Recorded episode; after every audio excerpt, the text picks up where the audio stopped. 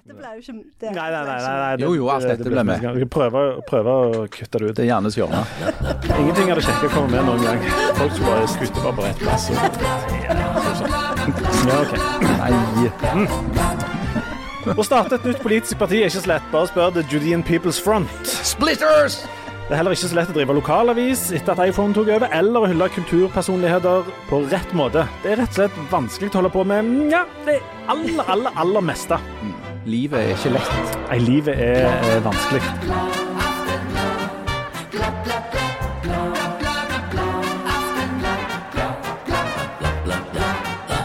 Dette sier til ungene mine hele tida. Selv om det er vanskelig, det er jo ikke et argument for at du ikke skal gjøre det. Nei, men, men det er ganske mange ting som er vriene. Altså, ja, det og er, det er jo fremdeles to dager igjen av januar, noe som er helt ufattelig. Så jeg tenker sånn, I dag må jo være den siste dagen. Nei, nei. Nei, nei. Det er en dag Det er alltid en dag til. dere vet når dere teller på knokene sånn, for å finne ut om det er 31 eller 30 dager i en måned. Alle kan den regelen der, sant? Ja. På januar, når du teller på den første knoken, så betyr jo det at det er 60 dager i den. Det er en spesialknok. Det er en spesialknok. ja. Januar varer evig. Ja. Ekstremt lenge. Mot slutten av januar så har jeg sittet og gnagt meg på de knokene at det er veldig uklart hva som er en knok, og hva som bare er et kjøttsår. Jeg snakket med en kollega i går i kantina som holder på med sånn hvit måne. Uh, og det var i går. Ja. Det er veldig 2023. Og han, han, han mente at han nå var ca. halvveis i januar. Men hva var det som var den dagen når alle sprekker? Var det forrige mandag, eller var det to uker siden? Ja, det er vel den, er det sånn 16 eller noe sånt? 16, ja, Ja. Det er rundt den 16. Det, Ja. Det er da begynner, det å bli glese på treningssentrene igjen. sånn. Da, blir, da kommer folk i kontakt med den de egentlig er, og, og forblir det resten av året. Melder, de, melder de seg på Idol eller Norske Talenter, så er de seg selv 100 mm. Har dere sett um, rapportene fra Frankrike der dette hvit måne er blitt en eh, ting? Det har ikke vært, altså, Franskmenn har jo, har jo ikke ligget langt framme i dette med avhold og forskjellig. Men der er dette med hvit måne blitt en ting blant ungdommen. Og det har jo ført til Hva fører det til? Store problemer. Store problemer oh, ja. for, for vinbønder.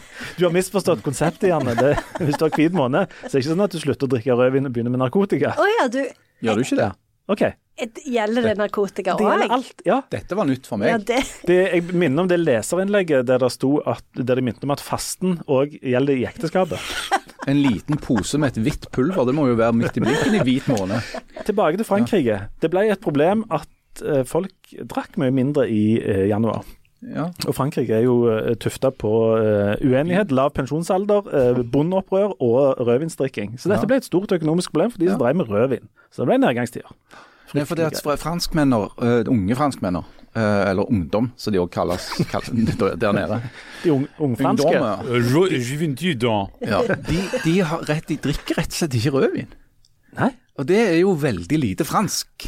Og, Hva og, er det de drikker for noe, da? det er, ja, Rusbrus. Rusbrus, jeg vet ikke. Smirnoff Ice. Er det derfor bøndene går rundt disse rasene? Det er jo Liksom? selvfølgelig er de rasende.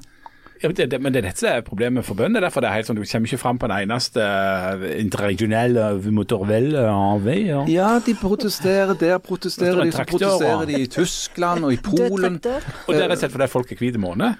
Tenk at du fikk løst Blant annet det. det er hvite måneder, og så er det krig i Ukraina. Det henger på en måte litt sammen. Det er to sider av samme sak. Ja, Nå skal ikke vi sette oss til doms over hva som er verst av de to tingene der, men det er et ekte bondeopprør eh, der nede. Og du har jo vært Ja. på, på bondemøte. Det har jeg. Eh, i, I Frankrike så er det jo sånn at bøndene er eh, Det er godt med tiltak i det. Når de blir skikkelig sinte, så møter de opp 10 000 traktorer på motorvei, og så kjører de mot hovedstaden. Og da må de Mm. kalle inn sånn Fremmedlegionen, eller vet, hvem er det de kaller den i Frankrike? Nasjonalgarden. Ja, For å hindre dette. dette, har, dette er ikke bare et fransk fenomen, men det har jo vært sånne bondeopprør i mange europeiske land det siste året.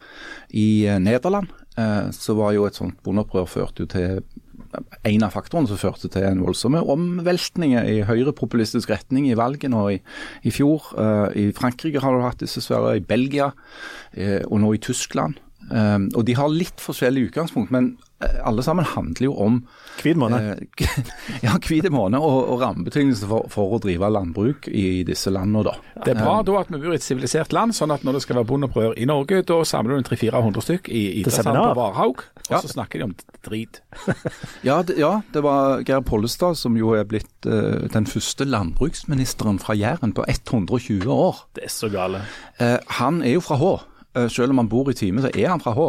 Eh, eh, Og han kom jo da heim, som du vel sier, Jan. Det vil jeg sagt. eh, Til sine egne ute på Varhaug. Og de tok hjertelig imot han. Applaus. de, Mange gjorde det. Ja, gjorde det? Ja, fordi at de liker jo det at han er fra Jæren. Eh, for eksempel eh, Sylvi Listhaug, som òg var, var Fra Jæren? Hun er ikke fra Jæren. ikke Det var et problem.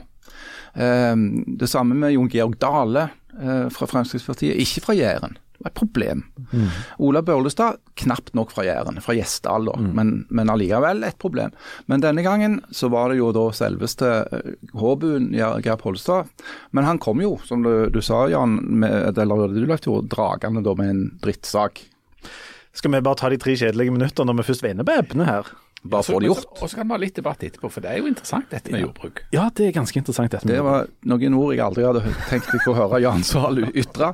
Eh, Men, men saken er at eh, en av de mange sakene som Geir Pollestad har fått på sitt eh, bord da, etter at han tok over fra sin partifelle Sandra Borch i fjor, er gjødselforskriften. Og det, nå kjenner jeg jo at jeg sjøl begynner å bli litt søvnig. Janne har sovna. Men saken er at dette henger jo sammen med at vi skal redde klimaet og miljøet og naturen og alt mulig. Eh, Det er en såkalt drittpakke hvis det er én ting du kan enes om, det er at norske husdyr de driter en god del. Uh, og det avfallet som slippes ut av kyr og sauer og forskjellig, og høns, det må jo behandles på et eller annet sett og vis, sånn at det noe blir brukt da, til gjødsel, og noe blir kvitter de som er på annet vis. Eh, og saken er jo at eh, det kommer en ny forskrift som kommer til å utfordre økonomien til landbruket. Eh, hva skal de gjøre med denne driten, og hvor mye skal de betale for å bli kvitt den, og hvor mye får de lov å spre ut på jordene sine, som senere renner ut i bekk og elv, osv. Og Det er bare én av en haug med saker som eh, diskuteres. En annen ting som diskuteres på et bondemøte, da, det er at regjeringen, når han tiltrådte eller lagde den der Hurdalsplattformen sin, eh, skrev eh, at de eh, har som mål å utjevne det såkalte inntektsgapet. Eh, og Det betyr enkelt sagt at bønder flest tjener mindre enn folk flest. Eh, ganske mye mindre. Eh, kanskje så mye som 150 000 Og Gjør de dette på ekte, eller bare syns bøndene at de tjener Nei, de gjør det på ekte. Eh, og så Målsettingen til regjeringen er å via da landbrukspolitikken sørge for at bøndene får mer inntekt. Eh, og Det kan bli et problem i år, eh, både fordi at staten skal spare penger, fordi at de skal heller bruke penger på å unngå at det blir mer inflasjon, eller de skal la være å bruke penger sånn at det ikke blir inflasjon. I tillegg skal de bruke mer penger på f.eks. For Forsvaret, eh, fordi det er krig i Europa. I tillegg så er det jo spådd at lønnsmottakere flest vil få et ganske godt lønnsoppgjør i år. Og det vil jo gjøre, ikke Jan da, men det vil gjøre at eh, ga- Å, det skal vi bli to om. gapet mellom bøndene og resten av oss kanskje ikke blir tetta noe særlig i 2024. Og Da vil det føre til ytterligere press mot Geir Pollestad fra f.eks. Norsk Bondelag. Så bøndene sitter enda lenger nede med bordet enn det vi gjør. Det, det, jeg vet at dette er vanskelig å En forestille seg. av oss. Men de sitter Jan, faktisk altså. I motsetning til Jan Zahl, som sitter, ikke sitter, men ligger helt nederst ved bordet og holder bordet oppe, så er ikke bøndene engang i rommet. Vent litt. Jan har fått Har du fått kramper? i foten. Er det pga. dette med bønnen? Nei, jeg vet ikke, jeg datt veldig ut veldig tidlig. Ja. Jeg tror jeg, tror jeg fikk tatt knekken på ganske mye lytting der tidlig i sendingen. ble pleier å legge de der tre kjedene ganske langt mot men det var en veldig konkret Folk med. Folk kan ja. trøste seg med at det snart er slutt. Ja. For det at altså, land, norsk landbruk er snart over. Nei da. Men det som i tillegg eh, skjedde, var jo at eh, siden de fleste sikkert har fått med seg at det har liksom vært mangel på melk og egg. Liksom. Ja. Ja, altså det for det at folk hvis du, og potet. Men hvis du går i butikken, sier du går på Kiwi da, Så er det fullt. eh, så er det fullt av både egg og melk. Eh, Og det er fordi at eh, regjeringen har sagt at eh, de siste som skal merke noe til denne mangelen, er forbrukerne. Sånn at det er de som kjøper f.eks. ikke tolv egg, eh, men det er de som kjøper 40 000 egg på en gang. De kan ha problemer med å få tak i norsk norske egg. Så de får lov å importere egg fra utlandet. Men, så, sånn at det er mangel på mangel på Det er på en måte mangel på mangel på egg. Men uansett så ble jo dette her snappa opp av Sylvi Listhaug, selvfølgelig. Ja. Eh, Det er en fin anledning til å kritisere en politisk motstander. Så sa at dette viser at Senterpartiet sin landbrukspolitikk er helt feil. Ja, Det vi kan si nå er at Janne strekker ut har- på en eller annen slags veldig rar måte. Jeg, har- jeg har veldig krampe under foten. Ja. Det var en veldig konkret og kroppslig reaksjon på Har du pleier dette. Har du gått på skøyter? Da pleier jeg å få det. Nei, jeg har ikke Nei, jeg Men har vil, ikke om, det. vil du at jeg skal bli ferdig og snakke om landbruk? For jeg tror det er psykosmat. Ja. Så, så jo, men, altså, jo mindre du skaper deg, jo fortere blir vi ferdige med dette landbruksgreiene. Jeg har, litt kramp. jeg har faktisk òg litt krampe under foten. da. Jeg kjenner en, jeg føler meg elevert. Ser du? Men saken er, hvis jeg skal bare få lov å avslutte helt kort, så er det jo sånn at eh, Og dette har jeg sagt før i denne podkasten, mener jeg å huske. det er at Du er den eneste som husker det i så fall. landbrukspolitikk i Norge handler om noe mye mer enn å holde liv i bøndene. Den handler om eh, forsyningssikkerhet. altså at vi, Klarer vi å lage nok mat til befolkningen i tilfelle når det skjer noe fælt i verden som gjør at vi ikke får importert. Eh, det er det ene. Det andre eh, klarer vi å holde liv i bygder langs hele det lange landet. Eh, fjord og fjell. Eh, og tre, eh, så handler det om kulturlandskap, mattrygghet og dyrevelferd og alle de poengene der som en del folk er opptatt av. Eh, sånn at det er jo alle de målsetningene der ligger til grunn for at vi har en landbrukspolitikk. Ja. Og nå var det et blits som gikk av her inne. Nå hinta faktisk Lysekraft om at du måtte slutte å snakke. Så, men der står krangelen, da. Ja. For det, det er jo noen bønder som er rykende uenige i det. De mener at eh, hvis de store bøndene bare hadde fått lov å bli større, eh, at du fikk store, svære produksjoner med hundrevis av kanskje tusenvis av kyr, så ville de klare seg i konkurransen med f.eks. bønder i EU, da. Eh, og at en burde ha mindre markedsregulering istedenfor mer.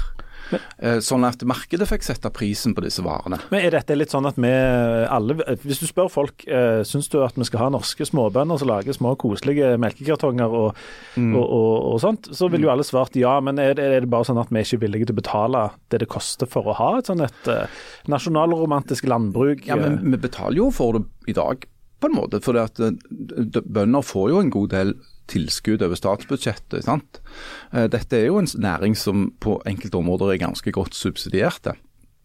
Eh, Men jeg tror nok at det er en forståelse for særlig ett av argumentene, og det er det som har med beredskap å gjøre. Altså, Hvis vi kommer i en situasjon hvor eh, verdenshandelen bryter sammen pga. en ny pandemi eller pga. en stor krig, eller noe sånt, så er det helt sikkert at vi kan klare oss uten å kjøpe nye klær eller ny bil en liten stund. Men vi klarer oss ikke uten å spise. Eh, Helst hver dag. Sånn at hvis vi ikke får tak i mat utenlands, så må vi ha en produksjon innenlands som gjør at vi kan spise. Og I det perspektivet så er jo Rogaland sånn i stort, men ikke minst Jæren, da ekstremt viktig. og Det er noe du ikke går til å tenke på sånn i det daglige. Men Nei. det er helt absurde mengder med mat som blir produsert akkurat på Jæren og i Rogaland. Mm. Sånn at det, Her er jo ikke problemstillingen at det, at det er sånn kyr som går i beite i oppoverbakke, og at det er fire høns og ei geit som du driver og drar et eller annet ut av. Her er det jo svære bruk.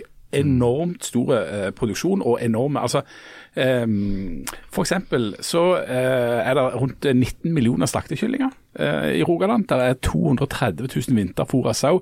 460 000 griser, som altså utgjør 30% av den samla svineproduksjonen i hele Norge. Eh, sånn at eh, Det er helt voldsomt. ja, en fjerdedel av alle egg i Norge kommer herifra. Ikke minst familien Pollestad er jo ansvarlig for mye av det, for Ja. det de ruger jo ut Ja, noe så og verper og voldsomt. klemmer ut som små sånne pop, pop. Det er, ja.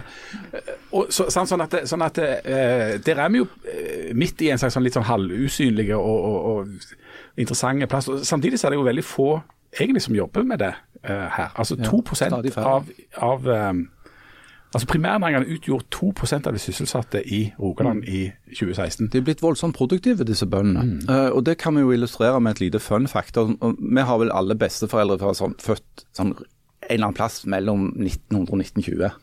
Sant? I året 1914 f.eks. Tilfeldig valgt. til- uh, eh, så var det ca. to milliarder mennesker i verden.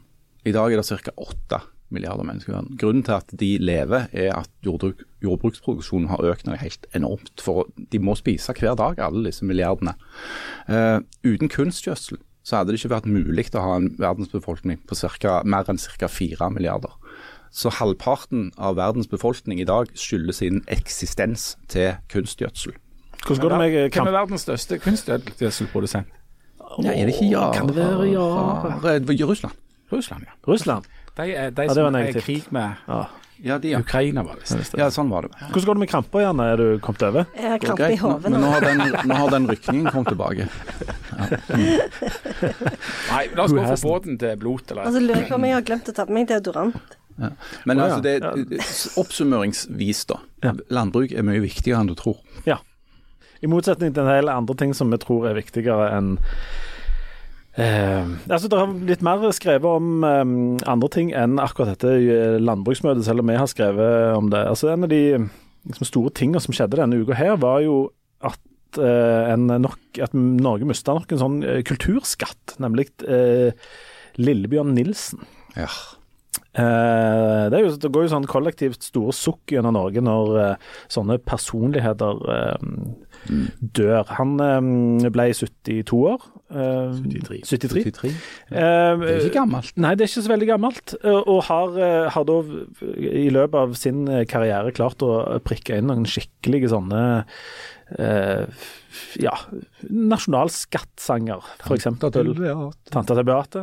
En av de som jeg himmel full av stjerner. ja, Nå skal Harald synge Lillebjørn Nilsens Lillebjørn Sangskatt som en slags hommage. Jeg tror jeg skal spare jeg folk for det. Um, eh, hadde dere noe tett og nært eh, forhold til Lillebjørn Nilsen? Han er jo på en måte sånn en mann som har sunget eh, Oslo.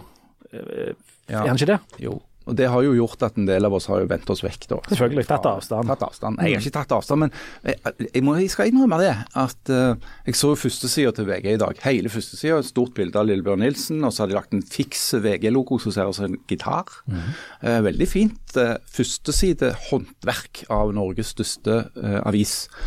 Eh, men personlig så har ikke jeg hatt noe særlig forhold til Lillebjørn Nilsen. og Det kan jo òg ha litt å gjøre med at han har ikke kommet ut med originalmaterialet siden 1993. Altså Det er over 30 år siden det. Men geografi spiller en rolle her. Eh, Janne, du er jo oppvokst i platebutikk. Var det Lillebjørn Nilsen eh, på popanlegget hele tida hos dere, eller? Ja, vi solgte jo ganske mye av Lillebjørn Nilsen, og eh, eh, ikke minst i eh, barneplatene hans. Um, eller jeg vet ikke, det er vel bare jeg, Når ungene mine var små, så hadde vi jo bare ei. Men jeg innbiller meg at det er flere plater Ja. som er samla i denne Haba Haba.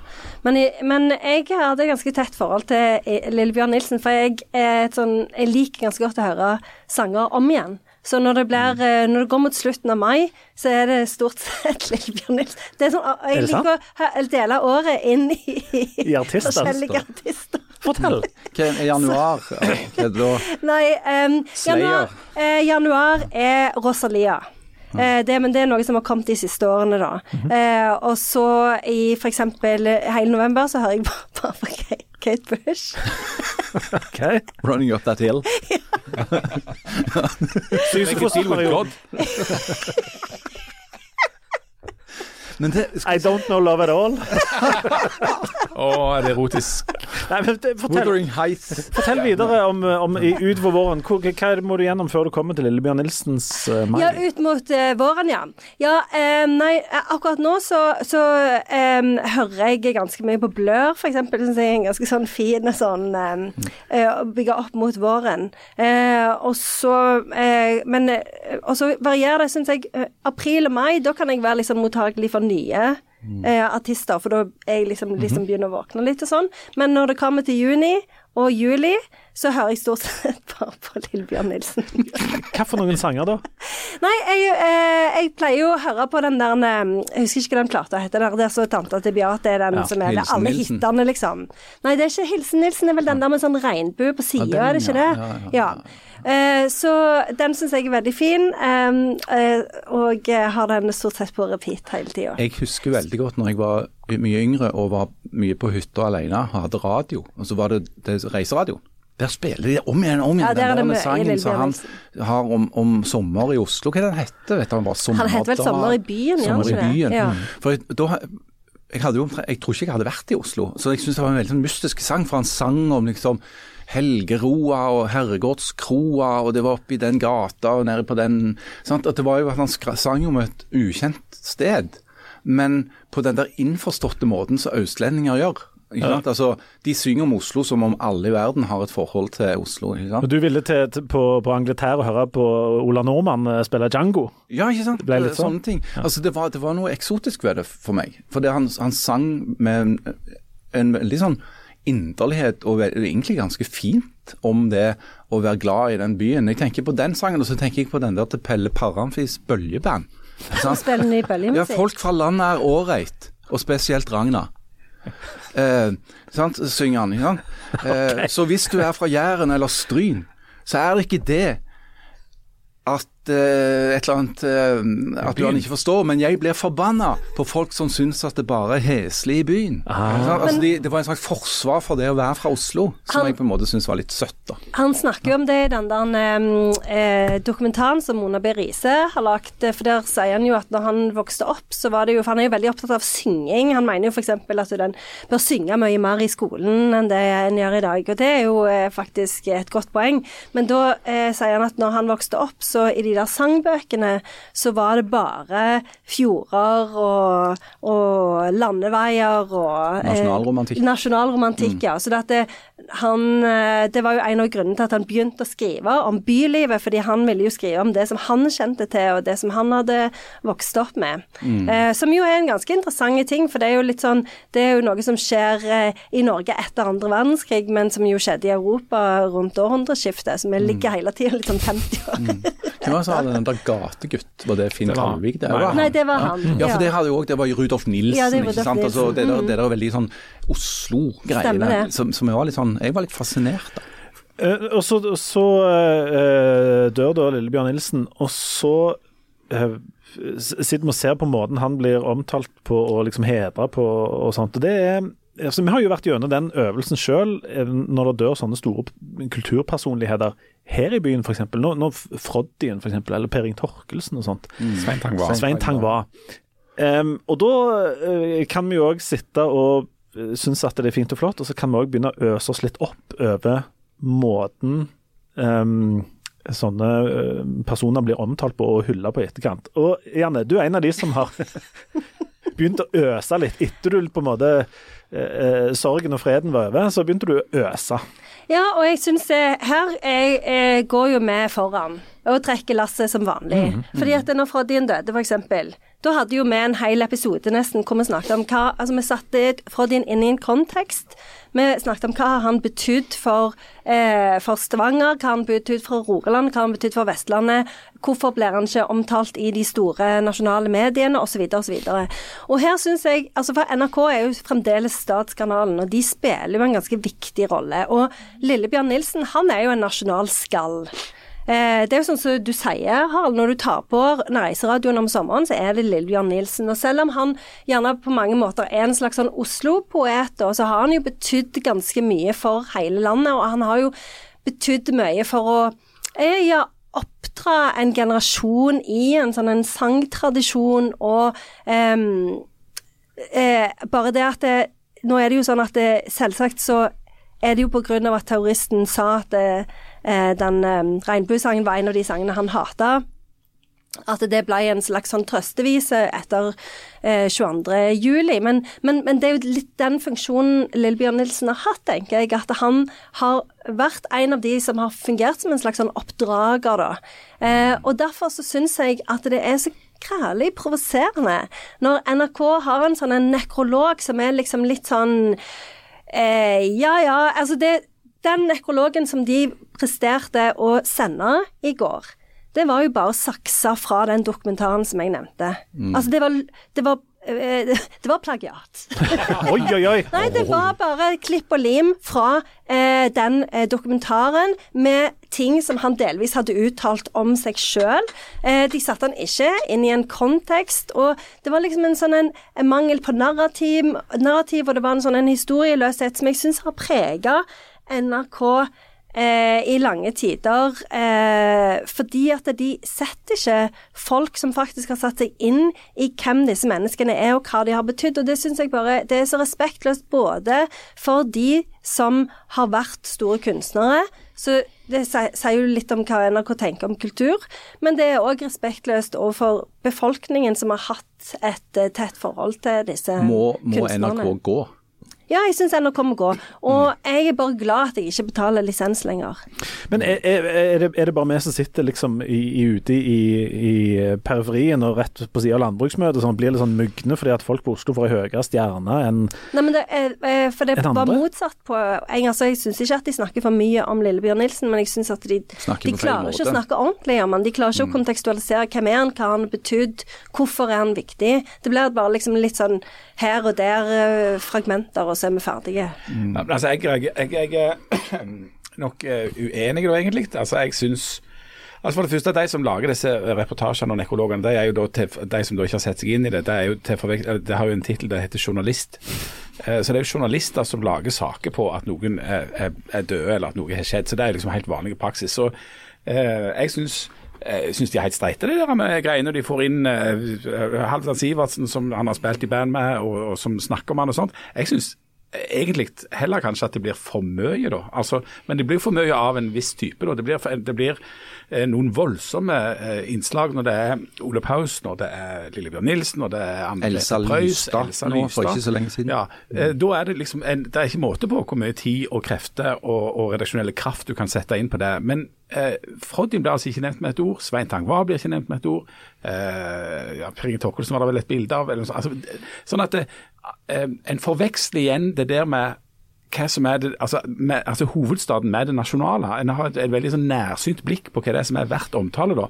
Så jeg skulle gjerne ønsket at det, For i Oslo tror jeg det er en slags kulturredaksjon i, i, i, NRK, at det er et slags apparat for det. Men det mangler jo i resten av Norge. Det er jo ikke kulturredaksjoner i NRK annet Men det er jo to forskjellige diskusjoner. Ja. For det som du sier, Jan, det har jo med eh, sentrum-periferi å gjøre. Og det er jo du kjempegod på. Ja, jeg men, men det som jeg mener, det er jo at det, jeg syns at en skal gjøre et ordentlig håndverk. og ofte så setter de eh, Journalister er kjempeflinke folk. Ja, veldig to stor tommel opp fra meg. Avslutter det der. Ja, men, eh, mm. men eh, en må sette inn Altså, en må behandle det med mer respekt, syns jeg. Og ofte så, sånn så særlig ja, ofte så når, og det syns jeg er et problem med NRK generelt. Når NRK tar seg av kultur mm. og, og, og, snakker om kultur, så er det jo ofte journalister som ikke klarer å uttale navnene på de de snakker om, og som ikke har satt seg inn i det, og som har gjort et slags sånn eh, oversettelse fra et eller annet sånn engelsk eh, eller utenlandsk eh, oppsummering av et eller annet. Mm. Så dette, eh, det syns jeg er et generelt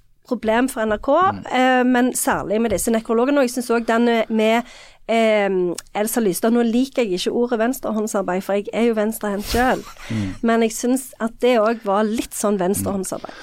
Um, det er kanskje feil å si det i denne setningen, men jeg har allerede sendt et notat til NRK uh, i tilfelle du legger på røret, sånn at de kan ha litt bedre grunnlag for å, å, å lage noe ordentlig uh, på det. Men, men jeg, jeg, tror jeg vil innta den posisjonen at jeg er litt enig med dere begge to. Uh, jeg er litt enig med, med Janne i at en del av disse minneinnslagene er litt sånn ah, lettvinte på en måte. Men, men og med Jan i at det er en helt klar en sånn der nærsynthet i, i Oslo. Eh, men samtidig så tror jeg vi vil kvalifisere det med å si at den dagen Jan Eggum legger på røret, eller Åge Aleksandersen, eller Jørn Hoel, eh, eller Bjørn Eidsvåg, som er fra Rogaland, så vil det nok bli tilsvarende lange innslag. Ja, eh, vi har nok kanskje en tendens til å eh, rope liksom Ja, men hva med Froddyen? Eh, og så må vi huske på at Froddien var nok ikke langt framme i, i, i, bevisstheten hos folk i Oslo nå. Altså, eh, det er nokså lenge siden Stavanger-ensemblet var en ting. Vi må huske på det òg. Vi må ta en, eh, en, liten pause, så skal vi fortsette å hamre løst på alt det som er vondt og galt. Vi har òg fått, si det, vi har fått tips om å sjekke denne hovedoppgaven din. Om Ja. sentrum-periferi. For det er noen som mener at eh, hvis vi går nøye gjennom den, så kommer det til å vise at det er ren avskrift av Stein Rokkan. Men den er vel ikke digitalisert? Nei, det er den ikke. Den Nei, er, men vi er jobber med saken, og jeg har, jeg har fått satt Nasjonalbiblioteket til å få det digitalisert. Da. Selvsagt. Ja. ja. Så der sitter det en kar og Aslak sier mye, og så er det digitalisert én og én bokstav. Sånn. En og en bokstav. Han skriver bare med to fingre. Så han det tar litt tid, men vi kommer tilbake til dette så snart vi hører fra Nasjonalbiblioteket. Ja. Han skriver vel nesten bare med én finger. Ja, stort sett med én. Den han er sint. Ja. Eh, Og det er han jo sett. Vi er snart tilbake.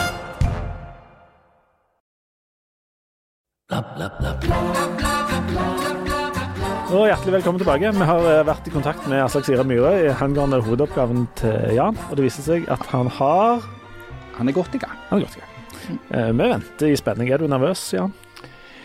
Det jeg kom på nå, er at eh, det vi sa i, feil, i, i forrige podkast, var jo feil. Uh, der vi påsto at det var mastersjuke i Norge. Det er det ikke. Vi er det, vi er det landet i Norden med færrest mastergrader. Det er heller et problem at det er for få folk som tar mastergrad og doktorgrad. Mm. Eh, men vi hadde gått på en smell der og ikke sjekka fakta godt nok. Ja. Så det beklager vi. Særlig, det- særlig er oppfordrer vi folk til å ta mastergrad i digitalisering for me mellomledere i, i, i, i helse og omsorg. Og Men er det 11 Og.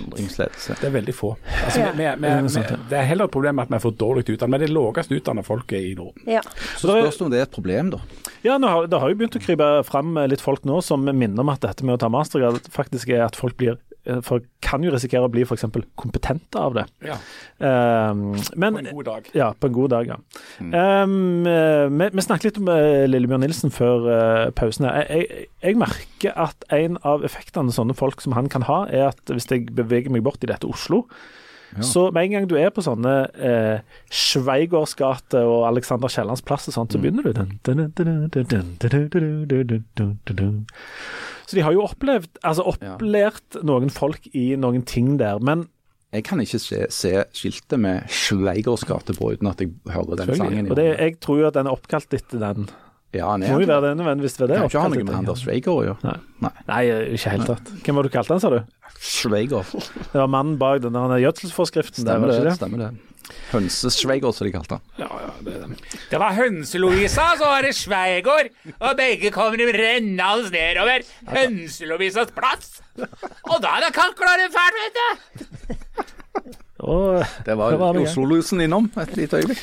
Tanta til Beate er forresten en av de sangene Du, har sånn, du deler opp året eh, sånn, i sånne sykluser på, på hva du hører på. Jeg har noen sånne sanger som jeg av og til bare må inn og høre, bare for å gjøre det. Og eh, Vi har jo tidligere vært innom en av de, nemlig eh, 1000 biter, ja. som, som dukket opp i Makta.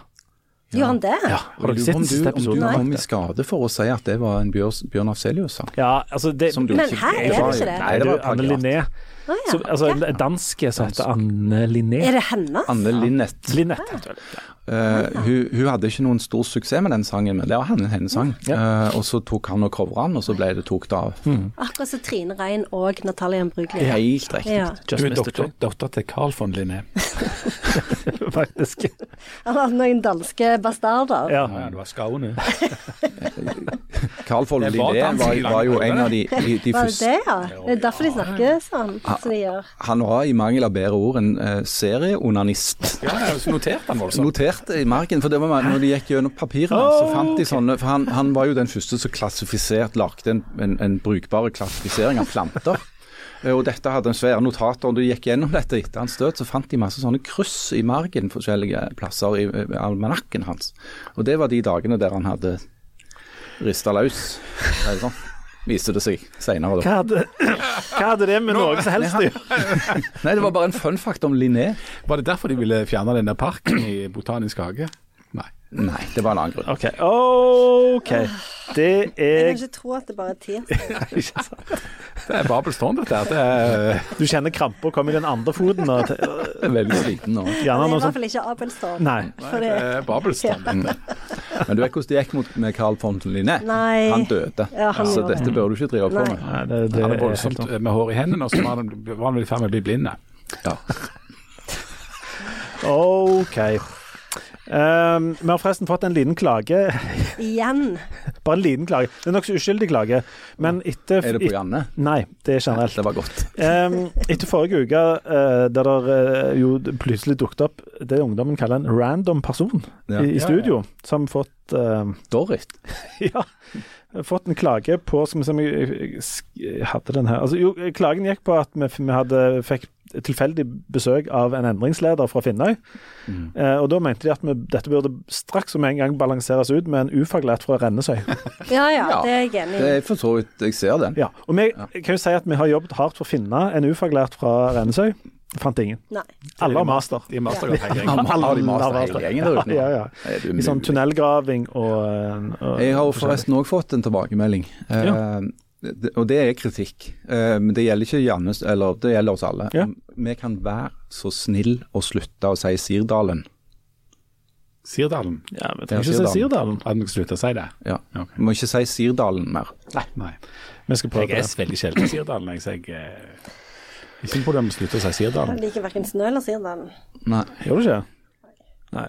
Nei, det er sant. Jeg er jo mest i Suldalen. Er det lov å si? Nei. Nei. Er- men, Det, men det heter jo ikke Suldalen, det heter Sirdalen. Finnes det en Sirdal Dalen Dal? Altså Sirdalsdalen? Sirdalsdalen eh, vet jeg ikke, men Daladalsdalen fins. Ja, det har vi vært innom før. Å, ja, det, okay.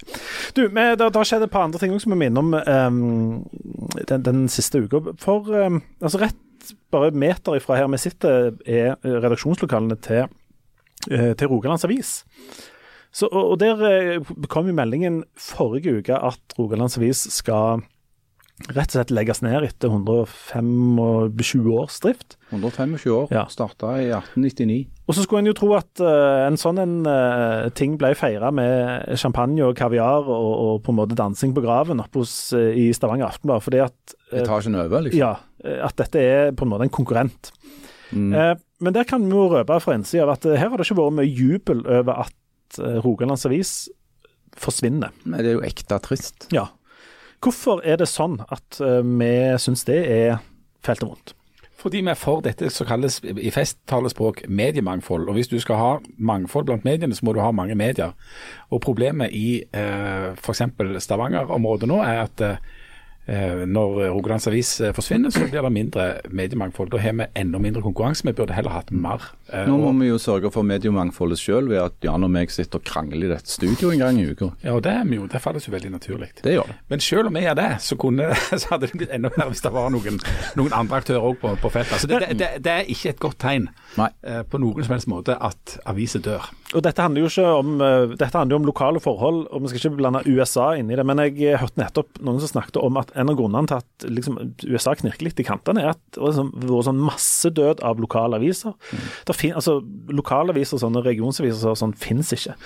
Og Da kan det skje veldig mye løye. Men hva, hva, dette, når vi snakker om mediemangfold, hva, det, hva ligger egentlig i det? Hva, er, hva ligger bak den der litt sånn festtaleaktige Nei, ja, det, det er et godt spørsmål. For det at mediemangfold er jo ikke vits i at hvis det er altså Si du har 20 aviser, da, eller mediehus, og så går det tallet ned til 10.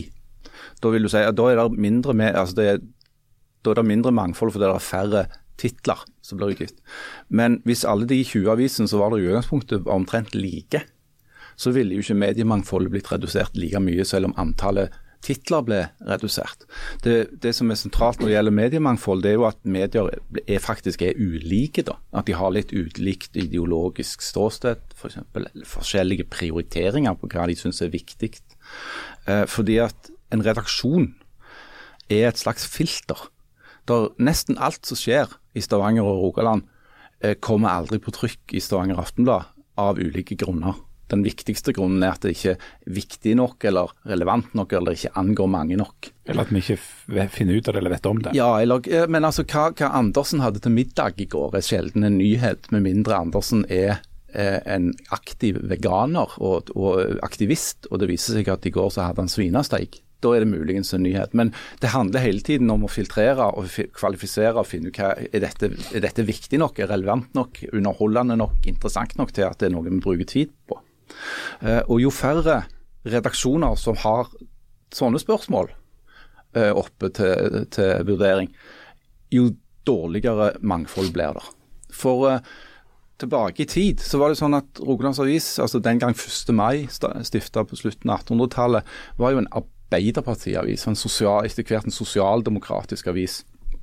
Mens Aftenbladet tradisjonelt var en avis som tilhørte det borgerlige partiet Venstre.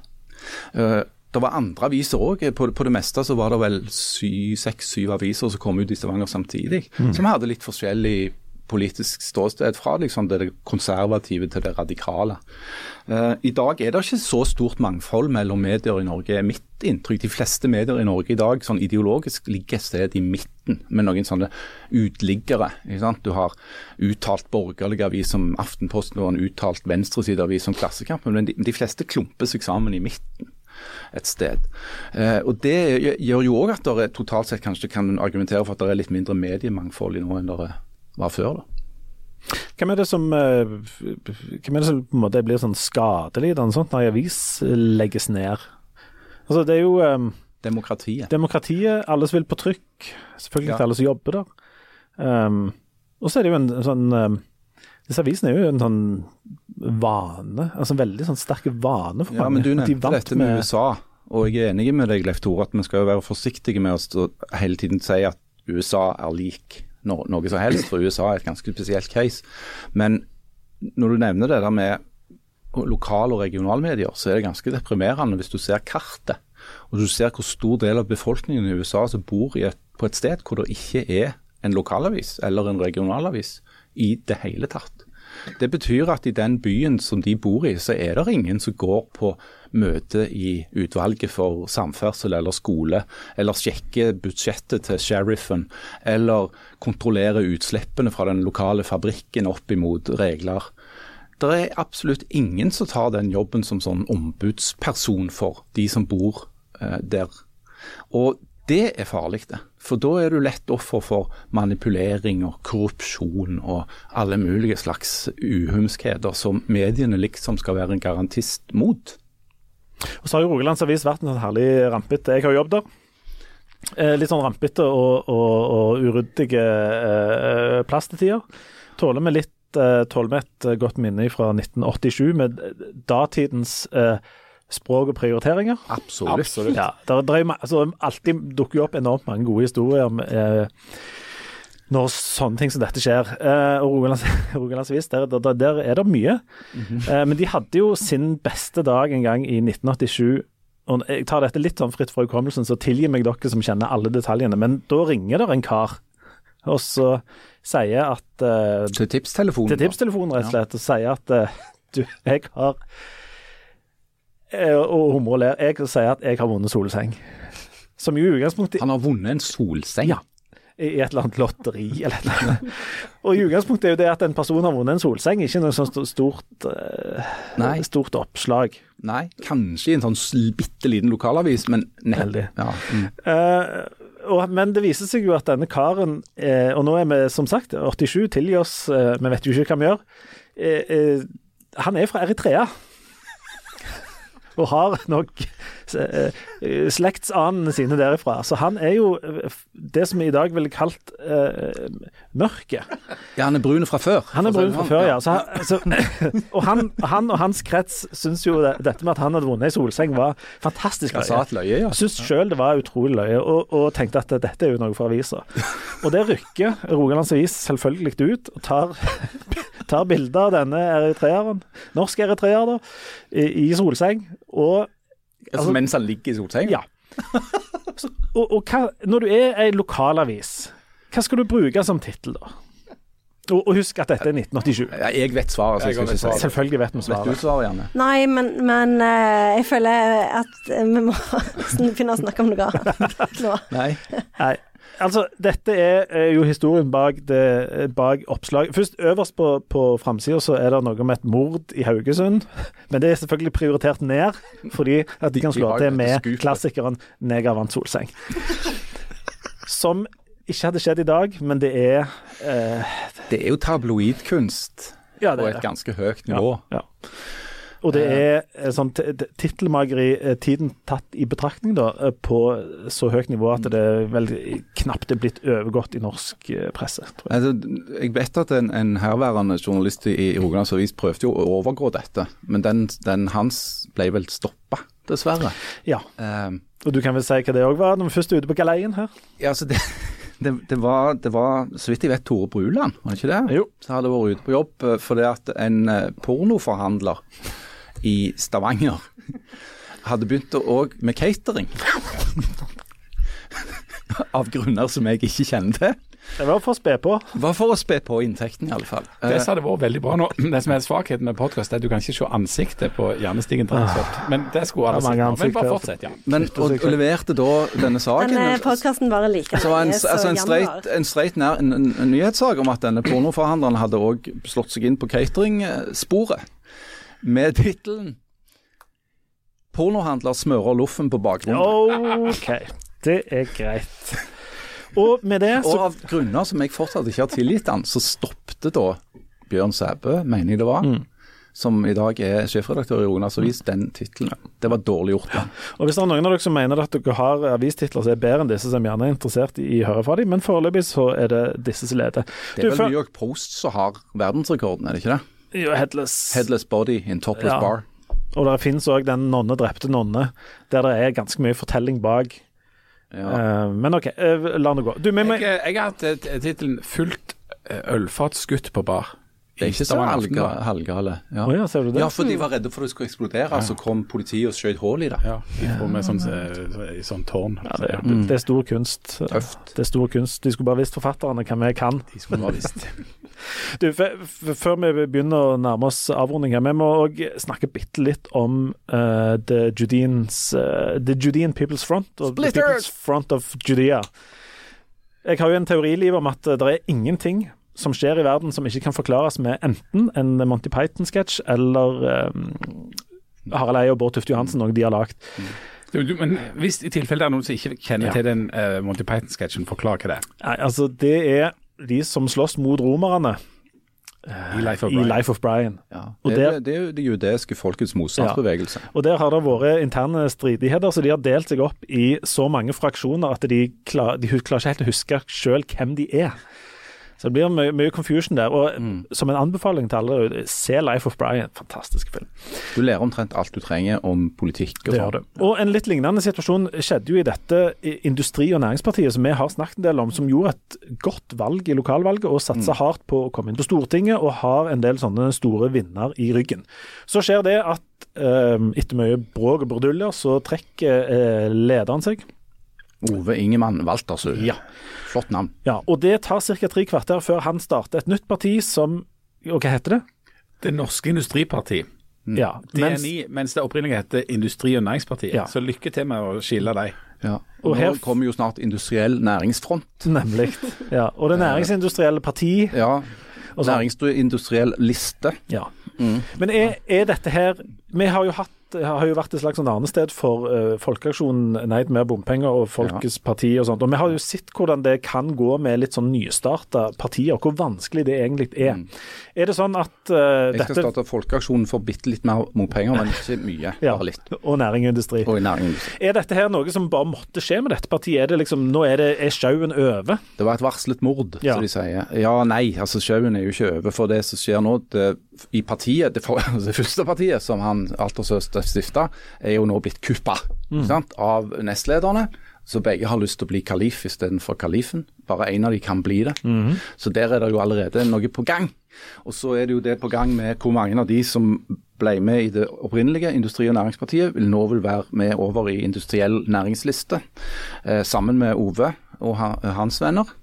Eh, altså, Han har jo sagt de kan få slippe å betale kontingent, for de har jo allerede betalt.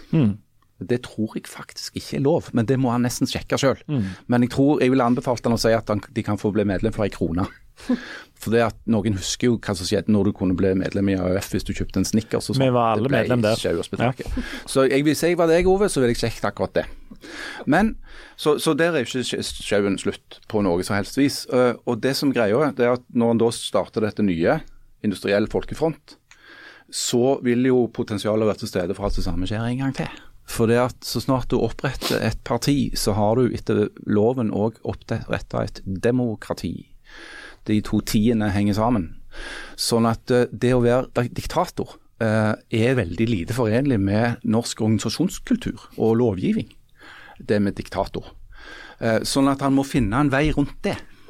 Til og med Anders Lange, som, altså partiet heter jo hans navn, opplevde jo det at partiet stakk av eh, fra han, ikke sant? Og ble-.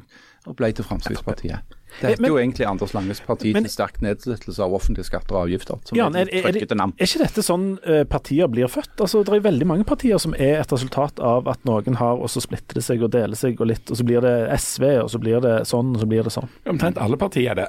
Altså parti, et, et parti er et resultat av en eller annen form for interesse eller en eller annen skillelinje eller et eller annet syn. Sant? Det er sånn partiet oppstår. Eh, og så er det sånn at Det kan endre seg hva de skillelinjene er, og det kan oppstå uenighet internt i de eh, partiene. Sånn at eh, opp gjennom historien så har det opp, oppstått en hel drøss med partier, og de aller færreste finnes igjen av de nå.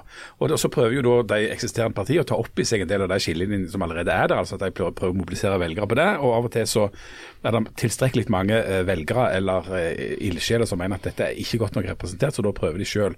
Og Da erfarer de jo at det er grassat vanskelig. For det er vanskelig å kjempe seg inn og få en plass der. Det hadde jo eh, Industri- og Næringspartiet nå til en viss grad eh, liksom, hadde i seg. Det så ut som de skulle klare å få det til. sant? De var jo voldsomt på gang, ikke minst i Det var Rogaland. inne i over 180 kommuner. Ja, ja, ja. ja. Så, sånn sett så var jo det en, en suksess, da. Så da, da eh, går jo det til hundene da, fordi at de ikke klarer det internt.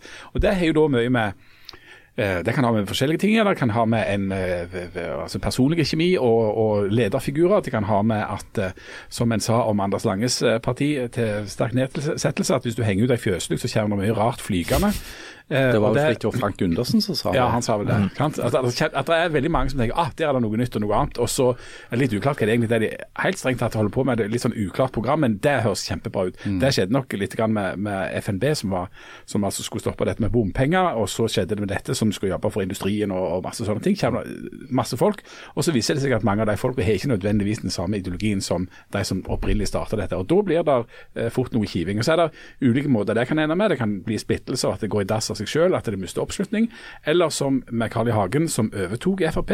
Han var jo voldsomt eh, god som en slags sånn, eh, partieier på å, å få ut alle sånne tilløp til splittelse. Altså han, I mange mange omganger så sørga han for å få ekskludert, så fikk partiet ekskludert de som utfordra det som eh, de sentrale i partiet mente at skulle være greia. Dolkesjø og Dolkesjø og sånt. Men altså, det, det som er at eh, et sånt parti som er etablert på, gru- grunnlag av en eller annen form for protest, da. Du er imot si, bompenger, eller du er imot vindmøller, eller du er imot Paris, et eller annet. Du er imot. Eh, og du har tiltrukket deg velgere. Noen kommer fra andre partier som de mener ikke har skuffa dem, for de har ikke protestert nok. Og noen kommer ned fra det såkalte gjerdet eller sofaen og bestemmer seg for å engasjere seg politisk fordi at endelig er det noen som snakker om noe som de er opptatt av. Hvis de opplever at partiet, når det da blir valgt inn histen og pisten i kommunestyret og fylkestinget, og kanskje på sikt til og med på Stortinget, oppfører seg akkurat som alle de andre partiene, altså begynner å drive med politikk og kompromisser og hestehandler på bakrommet og gi og ta, så blir en del av de velgerne ekstremt skuffa.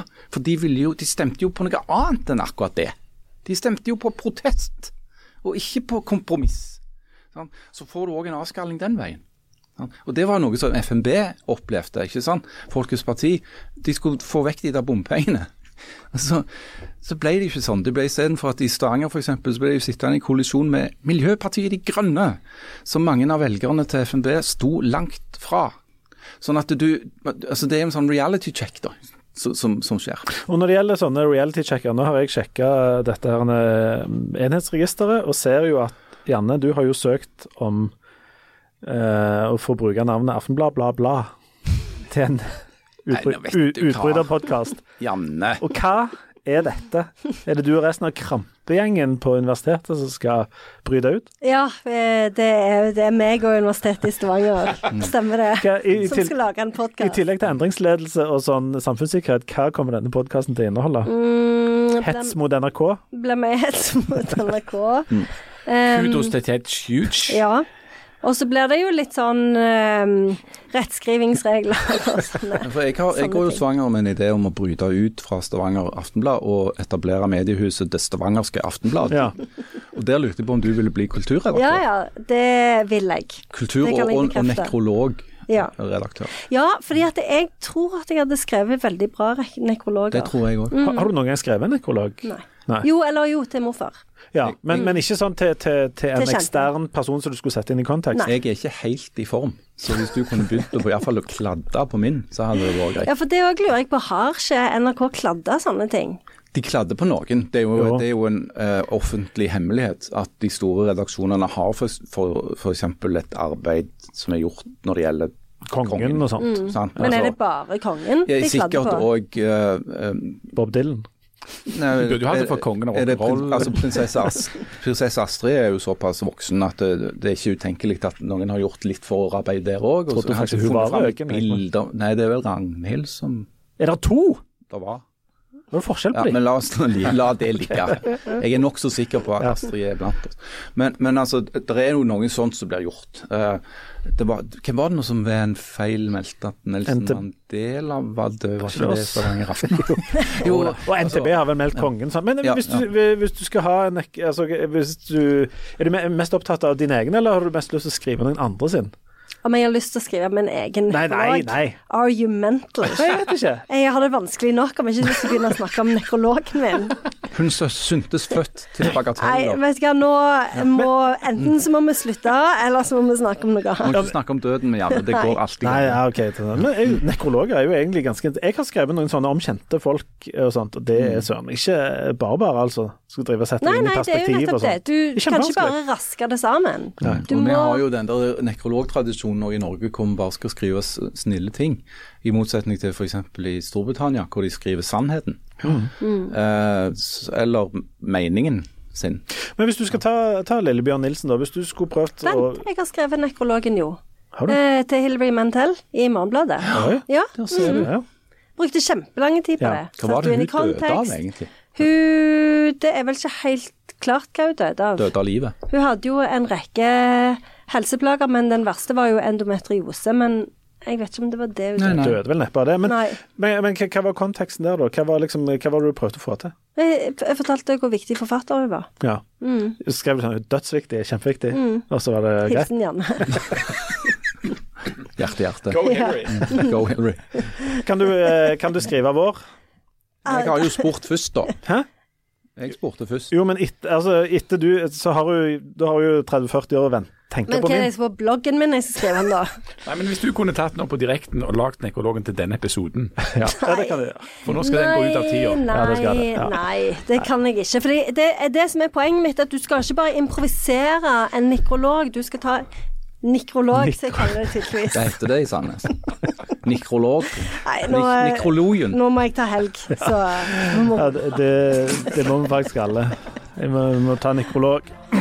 En nek nekrolog. Da tar vi også lys med fred over denne eh, Episoden. episoden, og satser på at den Beklager at eh, sjamanen ikke kom inn, men jeg hadde resten ikke tid til Ja, så du ser jo hvordan det går med meg. Jeg har ikke fått et eneste Janne er jo bare en eneste klump av Ja. roser nå. Hun er jo ikke i kontakt med sitt indre Nei, jeg klarer ikke å bevege hodet, nesten. Ja, men du har- gjorde deg etterpå. Ja. Ja, du må jordas fast. Vi hadde aldri trengt litt jording. Men da tror jeg vi ønsker lykke til. Sier takk for det. Ja, lykke til videre. Ja, lykke til videre. Dette kan bare gå oppover. Blir det nekrolog. Så blir det Jeg nekrolog. syns det Eller er så nedlatende når folk sier lykke til.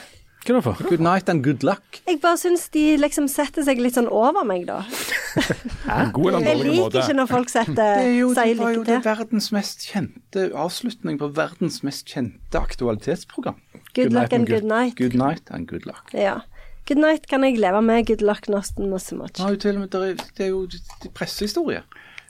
Ja, ja, Lykke sånn. til. Ja, jeg bare liker det ikke. Lykke til! Men er det ikke litt sånn eh, hvordan folk sier det? Er det for, forskjell på 'å, lykke til', eller hvis de sier sånn 'hæ, lykke til'? Ja, det er jo i hvert fall et fuck you, men jeg syns òg generelt at lykke til liksom sånn Å ja, du er så god, du. At du kan si lykke til til meg. Fuck off.